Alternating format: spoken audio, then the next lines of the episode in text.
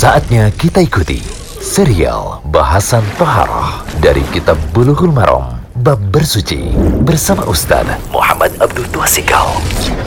Alhamdulillah, salatu wassalamu ala, rasulillah wa alihi wa wasallam. Kali ini kita masuk audio ketiga dari kitab Bulughul Maram, pembahasan Toharoh tentang air.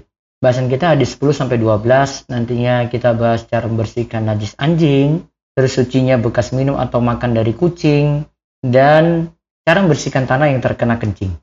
Nah, kita lihat di hadis ke-10 disebutkan dari Abu Hurairah radhiyallahu anhu, Rasulullah shallallahu alaihi wasallam bersabda, "Sucinya tempat air seseorang di antara kalian jika dijilat anjing ialah dengan ayaksilahu sab'a marratin ulahunna biturab, dicuci ya, tujuh kali. Yang pertama itu dicampur dengan tanah. Dalam riwayat lain disebutkan fal yurikhu jadi bekas minumnya tadi dari anjing tadi hendaklah ia membuang airnya. Terus dalam riwayat Tirmizi dikatakan ukrahunna au ulahunna biturab yang terakhir atau yang pertama dicampur dengan tanah. Nah, faedah hadis, hadis ini menunjukkan najisnya anjing. Hadis ini menunjukkan najisnya anjing. Kemudian faedah yang kedua wajib menyucikan jilatan anjing sebanyak tujuh kali. Ya, walago tadi itu jilatan anjing. Dia sebanyak tujuh kali. Terus yang ketiga, najis anjing itu najis berat. Mughalladhah. Maka kalau orang muslim tahu ini najis berat, dia kan tidak dia seharusnya tidak melihara anjing dong. Terus yang keempat, wajib menyucikan dengan tanah bersama air.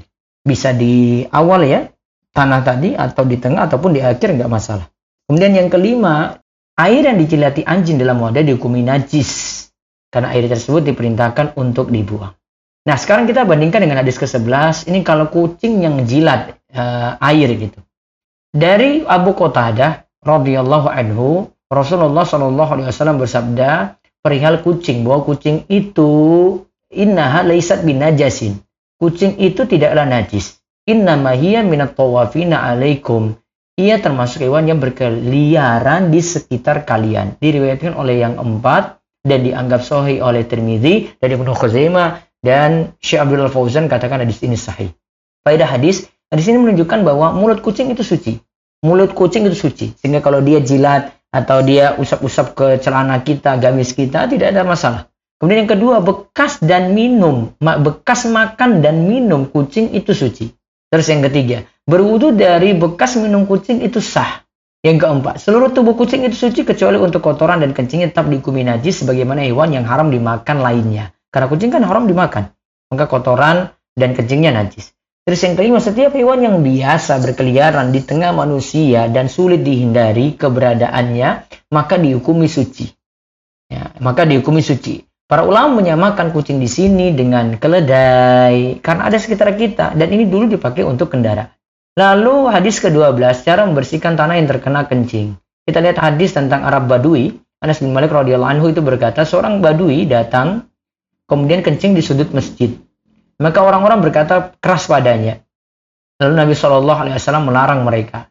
Ketika ia telah selesai kencing, Nabi Shallallahu Alaihi Wasallam menyuruh untuk diambilkan setimba air lalu disiramkan di bekas kencing tersebut. Faedah dari hadis ini, tanah atau lantai jika terkena najis menjadi suci dengan disiramkan air, walaupun tidak berulang kali disiram. Jadi cuma sekali disiram sudah hilang tadi najisnya maka jadi suci. Yang kedua, diperintahkan segera membersihkan masjid dari najis. Ingat masjid karena dipakai terus ya, maka segera untuk dibersihkan najisnya. Yang ketiga, hendaknya bersikap lemah lembut pada orang yang tidak tahu. Bersikap lemah lembut pada orang yang tidak tahu. Yang keempat, jika dua keburukan bertabrakan, yang dilakukan adalah memilih keburukan yang lebih ringan. Coba lihat ada Arab Badui tadi kencing di masjid. Itu suatu keburukan. Namun menegur orang yang kencing seperti itu punya dampak jelek begitu besar yaitu kita sulit memutus kencingnya. Yang kedua, pakaiannya bisa ikut najis. Yang ketiga, tempat malah makin meluas nih ya dikencingi. Wallahu Demikian serial bahasan toharah dari kitab Bulughul Maram bab bersuci bersama Ustaz Muhammad Abdul Tuasikal.